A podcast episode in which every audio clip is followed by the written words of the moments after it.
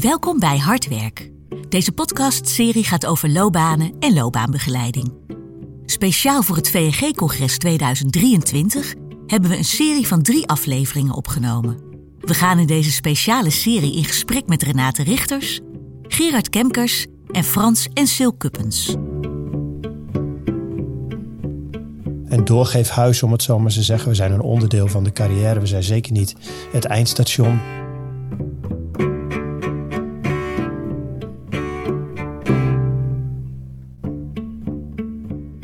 Er zitten natuurlijk wel wat hiccups in, maar mijn hele carrière is natuurlijk eigenlijk gewoon een droom geweest. Maar het succes van een ander is mijn succes. Is dat, dat is mijn geluk en daar, daar vaar ik wel bij. In dit tweede deel van de aflevering met Gerard Kemkers gaat het over de kracht van sport en bewegen, ontwikkelingen in de maatschappij en zijn betrokkenheid bij Talentnet. Hans, het woord is aan jou.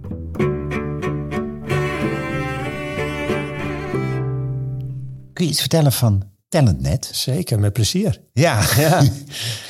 uh, ik zat er naar te kijken. Uh, ik kan het iedereen aanraden. Ja. Uh, dat ik, oh, wat een mooie ambitie, wat een drive, ja. wat, een, wat een idee. Ja. ja, dat is inderdaad waar. Dat is precies wat het is. Um, wij hebben um, uh, met een, een, een uh, investeringsmaatschappij, met een eigenaar die erachter zit, die mij persoonlijk belde, heb ik de kans gekregen om um, aan een tafel te zitten en te zeggen: er is ruimte ik wil iets unieks doen. Wij als bedrijf willen iets unieks doen in de sport. Bedenk het eens, Gerard. Zullen we samen eens kijken of we ergens uit kunnen komen wat bijvoorbeeld nog niet bestaat, waarmee we iets unieks kunnen doen, waarmee we ook belangrijke bijdrage kunnen leveren. En zo kwamen we op een opleidingsinstituut voor, tops, voor jonge topsporters, dus voor talentvolle topsporters. Maar dan dusdanig dat, ja, ik, ik, ik zeg het maar even, als we zijn een soort sportinternaat, maar uh, aan de andere kant willen we een beetje de, de Nijrode van de sport zijn. Ik weet niet hoe je het moet omschrijven, maar we, we, we hebben de mensen. Ik heb een beeld. Ja, we hebben de Kijk, een internaat is veel te streng, want zo, zo gaan we niet meer met elkaar om. Um, uh, en aan de andere kant kan ik me ook voorstellen dat er uh, mensen bij ons binnenkomen uit een heel andere wereld die denken: jeetje, wat een discipline hangt hier. Hè, want als ik zoals gisteravond in het huis ben en ik slaap en ik, ik denk om tien uur, laat ik eens even een keer nadenken, hoe, wat gebeurt hier eigenlijk allemaal met allemaal kinderen van 17, 18, 19, 20 jaar? Dan liggen ze allemaal al op bed. Ja. Ja. ja, dat is, dat is mijn wereld. Maar, maar ja, wij hebben bij Talentnet en met Talentnet hebben wij in drie sporten de beste talenten van Nederland naar, uh, naar Twente gehaald. Het is het, het, het huisvest in Enschede. Uh, daar heb ik een professionele staf omheen van ongeveer tien mensen. En um, en wij zijn elke dag bezig met, uh, met het begeleiden van jong talent op weg naar hun doelen in de sport, op weg naar de volgende stap. Dus wij zijn een, een doorgeefhuis, om het zo maar te zeggen. We zijn een onderdeel van de carrière. We zijn zeker niet het eindstation. Wij willen mensen uh, ook, zo ook zo snel mogelijk weer eigenlijk uh, verder brengen naar de volgende stap. Um, en dat is dan ook bijvoorbeeld een andere ploeg, ja. als je het over schaatsen zegt. Ja, ja. ja, en dat is dan ook veelal meer de zichtbare ploeg. Hè. Eén, ding, één ding bereiken we met talent net eigenlijk niet, dat is zichtbaarheid. Um, omdat we met talenten werken. En, um, en de zichtbaarheid van onze talenten, die komt uh, na onze fase. Um, ja, en dat, dat maakt het hè, vanuit sportmarketing, sportsponsoring maakt het sowieso uniek. Want dat, dat ken je eigenlijk niet. Dat, hè, ik heb een budget voorhanden van een goedgeefse uh, investeerder die, die mij uh, de ruimte biedt om uh, eigenlijk elk jaar gewoon uh, 20, 22, 24 scholarships uit te delen aan kinderen waarvan wij denken dat ze talentvol zijn. Ja. Is ook wel heel erg jouw missie volgen, hè? Wat je daarmee mag doen. Ja, dat klopt. ja, dat klopt. Het is gewoon een ideale baan voor jou. Ja, dat is helemaal waar. ja. Zeker als je ziet hoe mijn carrière gelopen is. Maar, maar als ik hè, toen ik zelf uh, VWO deed, toen zag ik mezelf altijd als, uh, als gymnastiekleraar voor de klas staan. Dat was eigenlijk mijn droombaan. Um, en, en, uiteindelijk valt er een heleboel dingen samen die, ja, eigenlijk mijn hele carrière is natuurlijk gewoon, er zitten natuurlijk wel wat hiccups in, maar mijn hele carrière is natuurlijk eigenlijk gewoon een droom geweest. Hè. Ik, ben, ik ben zomaar terechtgekomen op de Olympische Spelen, heb zomaar een Olympische medaille. Hij is niet goud, maar goed, ik ben zomaar terechtgekomen op de Olympische Spelen als sporter. Heb alsnog mijn ALO afgerond, prachtige tijd gehad. Ben in Amerika geweest om daar jaar te coachen hoe mooi. En vervolgens heb ik een topcarrière gehad rondom uh, uh, twee icoonsporters. Met een icoonploeg, met een icoonstaf. Wat een unieke periode van twaalf jaar is geweest. Um, met een sponsor die dat geweldig heeft omarmd. Um, ook nog even gekeken in een sport waar ik altijd gezegd heb, daar wil ik ook in functioneren. Nou, dat eindigde een beetje te vroeg. Ja, en nu zit ik met talent net in een situatie waarbij ik iets meer van bovenaf, dus iets minder uh, direct in coaching zit, maar iets meer in management zit. Maar tegelijkertijd precies daarmee bezig ben waar ik al mijn carrières eigenlijk mee bezig ben geweest. Ja, en, en nu, nu kan ik hopelijk, uh, en wij hebben ook nog veel te leren hoor, dat moet ik ook eerlijk zeggen. We zijn een soort opleidingsinstituut natuurlijk voor, voor jonge topsporters. Maar ik zeg nog niet dat wij precies het curriculum geschreven hebben en dat we precies weten hoe het allemaal moet. Ik denk ook dat er nog een, een behoorlijke tijd gaat zijn voordat we daar komen.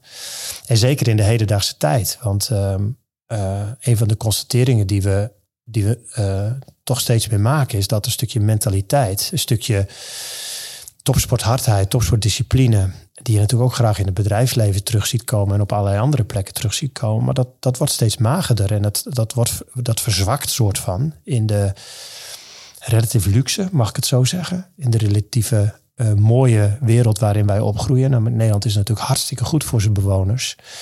Uh, maar het levert ook een stukje um, verzwakking op als het gaat om, om pijn lijden, doorzettingsvermogen, dat soort dingetjes meer. Ja, en dan moeten wij dus een curriculum tegenschrijven die daar weer, weer wat dingetjes oppakt. En, ja. um, nou, en dat afgezet bijvoorbeeld tegen de hele discussie over een gezonde en veilige topsportklimaat uh, of een sportomgeving.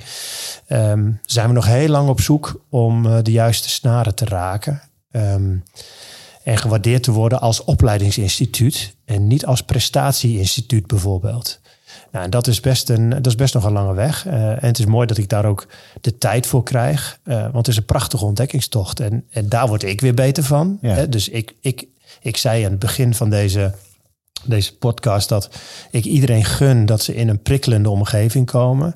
Dat is toch een van de stokpaardjes die ik in mijn eigen ontwikkeling heb meegemaakt. Dat ik eigenlijk constant in situaties ben geweest waar ik zelf uitgedaagd ben geworden. Nooit eigenlijk op een uh, mezelf kan betrappen op het feit dat ik in een routineklus terecht ben gekomen. En niks is mooier dan dat je elke dag een soort prikkeling on ondervindt, want dat brengt je verder.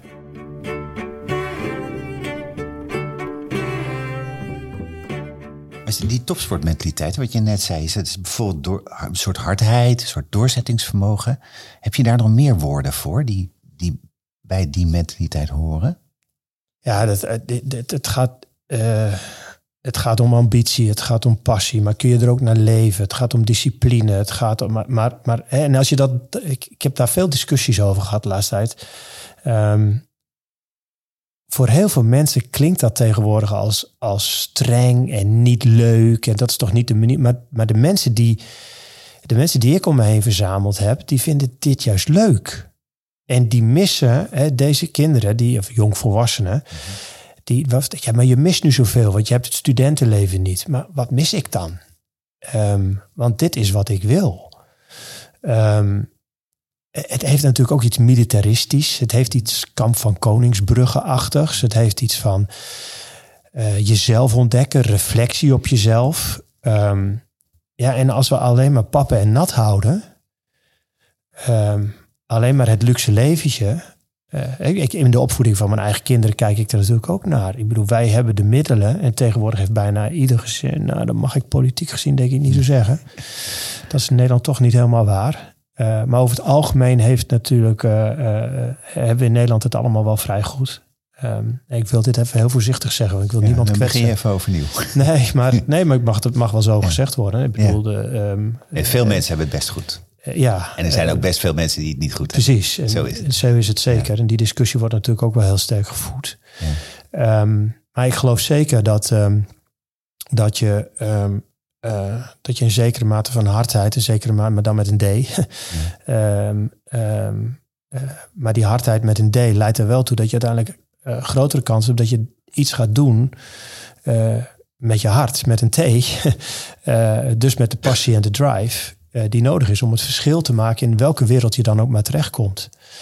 En, en ja, dat is een interessante puzzel als het gaat om um, en, en, nog maar even terug naar mijn eigen opvoeding. Mijn kinderen krijgen geen elektrische fiets. Ik vind het veel te mooi als ze een keer, het is een beetje streng nu, maar ik vind het veel te mooi als ze een keer tegenwind naar school moeten fietsen, 12 kilometer lang. En de laatste kilometers denken van jemig, wat een end. Of uh, een fikse regenbui tegenkomen onderweg naar huis. Um, dat zijn geen verkeerde dingen in, in, in je opvoeding. En we kunnen, hè, we, uh, iedereen heeft twee auto's voor de deur staan. We brengen kinderen altijd maar naar school als het een keer waait. Of een keer, we, stoppen ze in de bus. Of we geven ze een elektrische fiets. Daar moeten mensen goed over nadenken of dat de weg is. Ik ben heel erg voor innovatie. Ik ben heel erg voor uh, ontwikkeling in deze maatschappij. Maar ik ben tegelijkertijd ook wel een beetje voor ouderwetse waarden. Omdat ik denk dat samen met je vader de tuin omspitten uh, en eelt in je handen krijgen iets is waar je later iets aan hebt. Ja.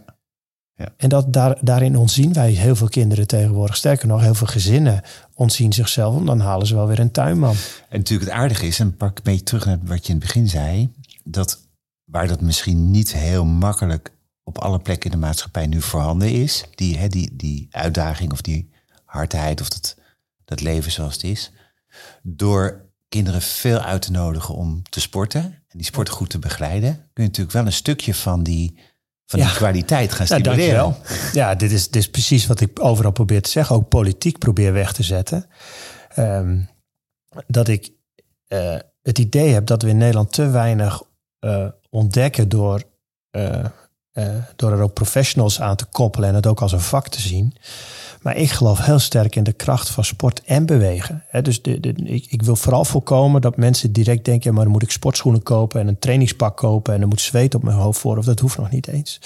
Maar de, de kracht van sport en bewegen, de saamhorigheid, de integratie, grenzen verleggen. Maar een aantal dingen die wij in de maatschappij tekort gaan komen, zou je ook heel goed op kunnen lossen op de sportclubs. Ja, moet je het wel goed gaan begeleiden. Ja. En moet je ook begrijpen dat je je stem af en toe mag verheffen. En dat je mensen net even iets verder doordrukt uh, als ze moe zijn. Uh, aan de andere kant zou je ook kunnen zeggen, maar dan zeg, dan zeg ik iets heel, heel, heel anders. En dat is misschien in deze moderne tijd ook wel een discussie. Maar je zou kunnen zeggen, moeten we militaire dienst niet gewoon weer terugbrengen? Ja. Maar ik zou het heel mooi vinden als we dat element, hè, want die stemmen hoor je ook steeds meer opgaan. Als we dat element wat je in militaire dienst zou verdienen in je ontwikkeling als mens, als we dat kunnen verleggen naar sport en bewegen. Ja, want, we, want we krijgen uh, ontegenzeggelijk een zitcultuur. als, je, uh, als, ik, als ik met mensen een beschouwing ga maken over hoe ziet Nederland, hoe ziet de wereld er over tien jaar uit, als we al die, al die ontwikkelingen uh, doorzetten, dan hoef je niet meer naar de supermarkt. Je stapt voor je huis in het openbaar vervoer in. Je, je zit op elektrische fietsen. Je, je zweeft misschien wel naar school. Weet ik veel wat er allemaal gaat gebeuren. Thuis hoef je alleen nog maar in de bank plaats te nemen en uh, je stuurt alles aan. De televisie hoef je alleen maar te zeggen welke zender je wil hebben. De lampen, uh, het gras wordt voor je gemaaid. Zo'n simpel voorbeeld. Hè. Iets waar ik pertinent weiger om een, uh, om een robotmaaier in mijn tuin te zetten. Want dat half uurtje achter mijn grasmaaier aan heen en weer wandelen is gewoon een cadeautje. Um, ja, als we die beschouwing maken, dan zijn we het allemaal heel snel eens. Ja dat we uh, naar een, een, luie cultuur, laat ik het zo maar, een luie samenleving gaan. Waarin mensen het heel gemakkelijk wordt gemaakt. En dit lichaam van jou, het lichaam van mij, is wel degelijk het gezondst als het beweegt. Ja. Niet, niet, niet een topsporter, hè? want een topsporter is eigenlijk weer een beetje ongezond. Maar gewoon gezond bewegen, gezond in beweging zijn. En of dat nou de herknippen, naar de supermarkt fietsen, uh, een stukje hardlopen of een berg op fietsen is. Dat, dat, dat, doet er allemaal niet toe. Bewegen, eh, stofzuigen is ook zo'n voorbeeld. Het in huis is gewoon ook nuttig. Trap oplopen uh, in plaats van een lift. Um, nee, daar zijn we voor geknipt, daar zijn we voor gemaakt en daar wordt het lichaam beter van. En dat verdwijnt steeds meer uit deze maatschappij. En in die zin is het. Uh, we moeten dus de maatschappij erop inrichten. Dus ik ben ook absoluut een voorstander van een herinrichting van wijken en pleintjes. Uh, die moeten uitdagender zijn om kinderen achter de computer, de laptop of de tv vandaan te trekken. Uh, en tegelijkertijd moeten we dat omarmen. En nog mooier is als je het kan integreren. Dat, je de, dat je bij wijze van spreken van buitenspelen punten kan scoren die je in het spel wat je speelt op je computer weer kan gebruiken. Ja, dus dat, dan is het nog mooier. Of je fietskilometers omzetten in, uh, weet ik veel, uh, Game of Thrones credits. Een beloning. Geen idee. maar, um, maar we zijn het allemaal hele. Ik ben met iedereen. Er is niemand uitgezonderd die zegt dat je over 10 tot 12 jaar een, een zittende cultuur hebt. Nou, waar kunnen we dat het beste oplossen? Is onze sportverenigingen, onze sportambassadeurs, onze coaching serieus te gaan nemen en dat op te tuigen als het tegenhanger voor de dingen die we gaan missen in de ontwikkeling van de maatschappij.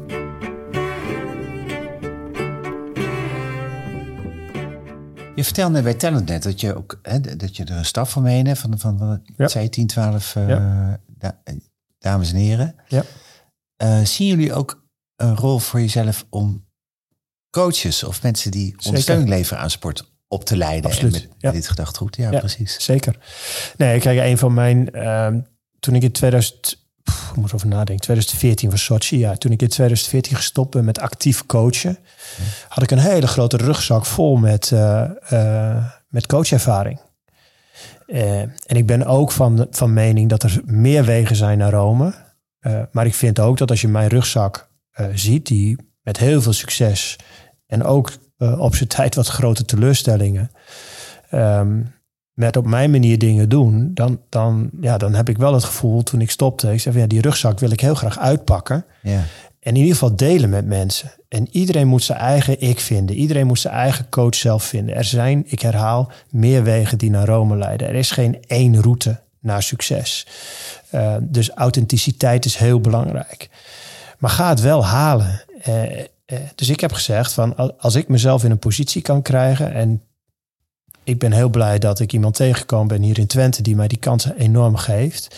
Waardoor ik uit die rugzak met mensen zaken kan delen. Um, en doe ermee wat je ermee wil doen. Word absoluut geen Gerard Kemkes kloon, want dat kan niet de bedoeling zijn. Je moet jezelf zijn.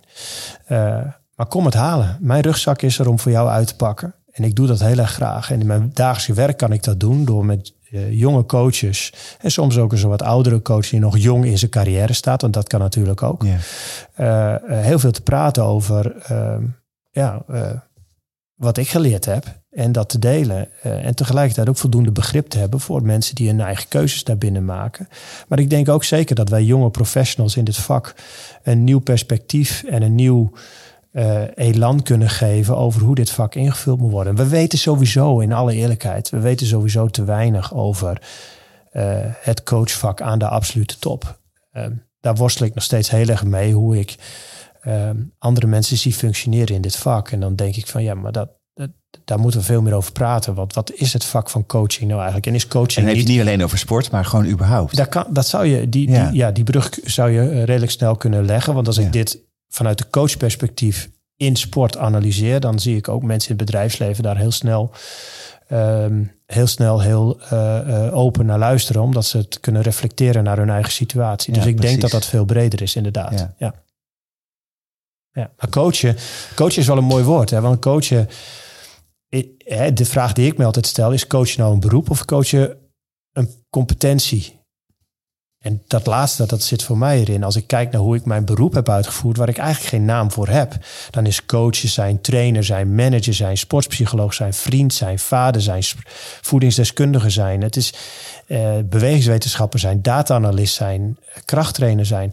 Eigenlijk zijn het allemaal competenties die onder dat vak vallen. En in die zin is coaching een onderdeel van een competentielijst van wat je moet doen op het moment dat je in een ja. leidinggevende functie terechtgekomen bent.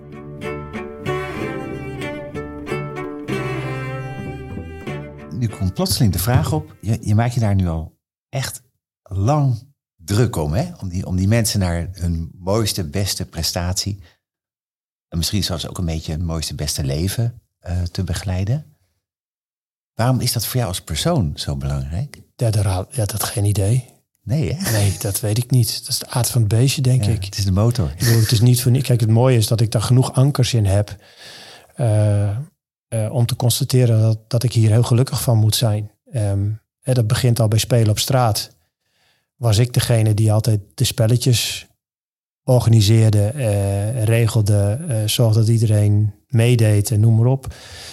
Wat ik net al zei, middelbare school um, wilde ik gymleraar worden. Ja, wat is, wat is gymleraar? Is ook een klas van 20, 24, 26 kinderen helpen ontwikkelen.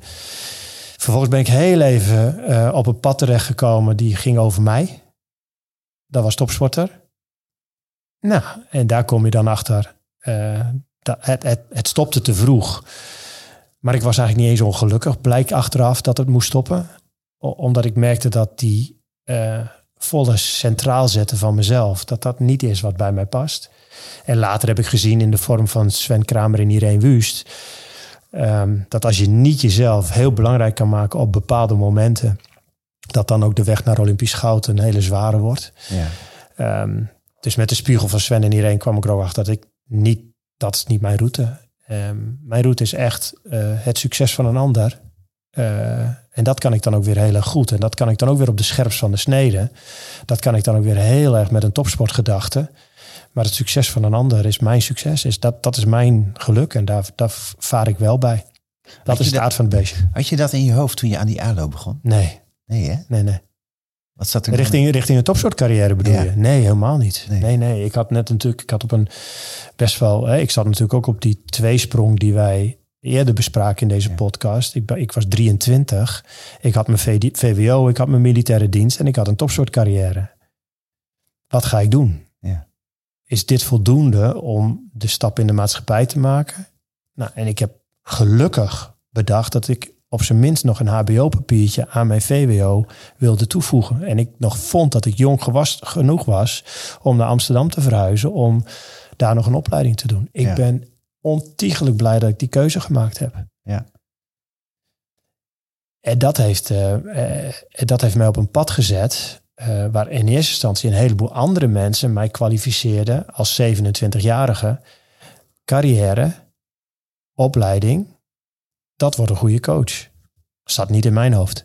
Sterker nog, ik had op een best wel vervelende manier afscheid genomen van schaatsen. Ja. Ik was eigenlijk wel klaar met die ijsbaan. Dus ik zag, ik zag helemaal niet gebeuren dat ik weer uh, richting, uh, richting de ijsvloer zou gaan. Uh, totdat Amerika belde. En dat, daar ging ik, en moet ik ook heel eerlijk bekennen, daar ging ik helemaal niet naartoe voor het schaatsen. Daar ging ik naartoe voor het avontuur. Maar ik was binnen no time, uh, al hadden ze me daarheen gehaald als tenniscoach of als turncoach of als voetbalcoach. Uh, ik werd daar, ik werd daar verliefd op het vak. hoe zeg ik dit goed nu? Ik werd daar verliefd op het vak, ambities van anderen, dromen van anderen meehelpen vervullen. Als het ware de rechtsbuiten in een voetbalelftal met de perfecte voorzet iedere keer naar de spits die er een doelpunt van kan maken. Ja. Zo voetbalde ik ook altijd. Ik heb tot mijn 16 ook best heel aardig gevoetbald en ik was die dienende speler. Maar tegelijkertijd, maar tegelijkertijd wel de aanvoerder. Maar ook heel veel sliding om de bal af te pakken. Ja, ja, ja. ja, ja. en, dat, en dat, ja, weet je, dat is, dat, is, dat is een goede vraag. Daar heb ik eigenlijk nooit zo heel veel over nagedacht. Er zeker niet zo over gesproken als nu. Maar op een gegeven moment vind je dus blijkbaar toch, tenminste die, dat geluk heb ik en dat gun ik eigenlijk ook iedereen. Uh, op een gegeven moment vind je toch je weg. Uh, dat je goed weet wie je zelf bent. Uh, en dat is wel, ja, terwijl ik dat zeg, is dat wel hè, door mijn carrière als sporter, door mijn carrière, ook de ALO heeft heel erg geholpen met de, bijvoorbeeld met een stukje ontwikkelingspsychologie die daarin zat. En daarna mijn coaching in, um, in op Olympisch niveau met een onderscheidende ploeg. Uh, heeft mijn eigen waarde wel heel erg. Uh, uh, heb ik mijn eigen waarde wel heel erg leren kennen. En, en, en vervolgens heb ik de kans gehad om op basis van mijn eigen waarde mijn leven ook in te richten. Dus ja, Zou je dan, ook kunnen dan, zeggen dan val je regelmatig met je neus in de boter, om het zo ja. eens te zeggen. En dat geluk heb ik. Zou je ook kunnen zeggen dat je, hoe je dat doet met je topsporters of de mensen die je begeleidt, dat je dat eigenlijk ook een beetje op jezelf toegepast als coach? Nou, 100 procent. Ja, hè? Ja, zeker. Ja. ja. En, en dat levert natuurlijk gelijk de volgende vraag op, die je nooit kan beantwoorden. Uh, uh, uh, en, en, dat was ook een reflectie die ik even nodig had. Maar hoe, hoe goed was ik zelf geweest als schaatser als ik toen geweten had wat ik later in mijn carrière geweten heb? Want ik heb, ik heb als schaatser in de tijd waarin wij trainden belachelijke dingen gedaan die nergens op sloegen. um, Maar ja, daarmee, ja daarmee leer je jezelf eigenlijk aan dat er, dat er dat het leven alleen maar vooruit gaat. En dat je een paar weken terug mag kijken, maar je moet vooral vooruit kijken. Ehm, het heeft geen, je moet leren van het verleden hoor, dat niet. Hè. De, de, de, als ik kijk naar mijn rol binnen ehm, bijvoorbeeld het schaatslandschap, dan ben ik, uh, ben ik ook een historicus erbij, omdat ik vanaf uh, klein jochie in, in het schaatssysteem heb gezeten, dus ook weet hoe het vroeger was. Um, maar tegelijkertijd geloof ik wel heel sterk dat je vooral vooruit moet kijken en uh, de toekomst in handen moet nemen. En, en, door moet blijven ontwikkelen op weg naar, naar alle kansen die je nog gaat krijgen. Ja, voor een deel is dat dan, hè, je hebt teleurstelling gehad, je hebt dingen die meevielen. Voor een deel voelt het ook wel als een soort plan. Maar ik moet eerlijk zeggen, het voelt ook het meest als ook wel echt je hart volgen. Ja, nee, het is zeker geen plan. ja, er zit nu, nu wel heel veel sturing op. Ja. Hè, dus, dus dat zou je het plan kunnen noemen. Ja. Maar ik, ik, ik, gegarandeerd, uh, um, er zijn er genoeg in, in de topsport die ergens een keer gezegd hebben, ik wil dit. En dan richting eraan geven. Dan zou je het een soort plan kunnen uh, noemen. Maar mijn carrière is compleet ik, ik, eh, dat ik hier nu in Twente iets moois aan het opbouwen ben, is een totale verrassing. Dat ik in, uh, op de Olympische Spelen heb gestaan, ja, dat overkwam me eigenlijk als jochie van 17, 18, 19. Uh, en het was een prachtige tijd waarin iedere keer er net iets meer gebeurde dan ik dacht dat in mijn plan zou zitten, om het zo maar eens te zeggen. Dus ik, uh, ik liep elke keer voor. Misschien is het dan ook wel een plan, dat weet ik eigenlijk niet eens. Of het zegt heel veel over het talent dat je bent. Maar dingen gebeurden net even eerder dan dat ik er eigenlijk over nadacht. Ja, en vervolgens zijn er gewoon een heleboel dingen op mijn pad gekomen. Die ja, ik, ja, ik nogmaals, ik, ik, kan niet anders dan met heel veel uh, trots aan de ene kant, maar ook met het uh, besef dat ik uh, ook wel heel veel geluk gehad heb met de juiste vragen op het juiste moment. En dus een beetje voelt, nogmaals, dat die neus voortdurend in, de, in, een, in een pakje boter is gevallen. um, Eh, en aan de andere kant kun je, eh, als je op een gegeven moment mijn leeftijd bereikt hebt, ook afvragen of dat dan wel zoveel geluk is. Of dat je dat toch gewoon ook af kan dingen. Want het blijft maar gebeuren. Dus ja, dat. Uh... Dat is mooi. Ik vind het echt, echt leuk dat je in zo'n perfecte baan terecht bent gekomen. Ik ook. dat snap je, dat ik dat ook vind. ja. ja. ja. Nee, het is ook geweldig. Ik bedoel, gisteravond reed ik weer naar, naar, naar Enschede toe, wat best een stukje rij is voor waar ik woon. Ehm, dan blijf ik er een nacht slapen om dan de, de dag daarna ervoor te kunnen zorgen dat ik van, van ontbijt tot, uh, uh, tot het einde van de dag er ook echt bij kan zijn. Maar uh, de rit er naartoe is gewoon een feestje, omdat ik, hoe dichter ik bij Enschede kom, hoe meer energie ik krijg. Want het energie wat in zo'n huis met, met, met gepassioneerde jonge sporters, de energie die daar heerst, geeft mij als ondertussen langzaam maar zeker oude man geeft mij zoveel uh, energie terug. Dat het gewoon mooi is om te doen. En uh, ja, ik kan niet anders zeggen dan, dan dat ik wederom met mijn neus in de boter ben gevallen. Dankjewel voor het gesprek, Gerard. Graag gedaan.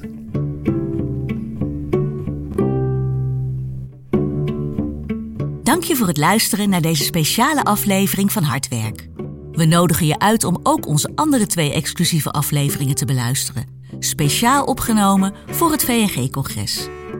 Als je vragen hebt naar aanleiding van deze uitzending, aarzel dan niet om contact met ons op te nemen.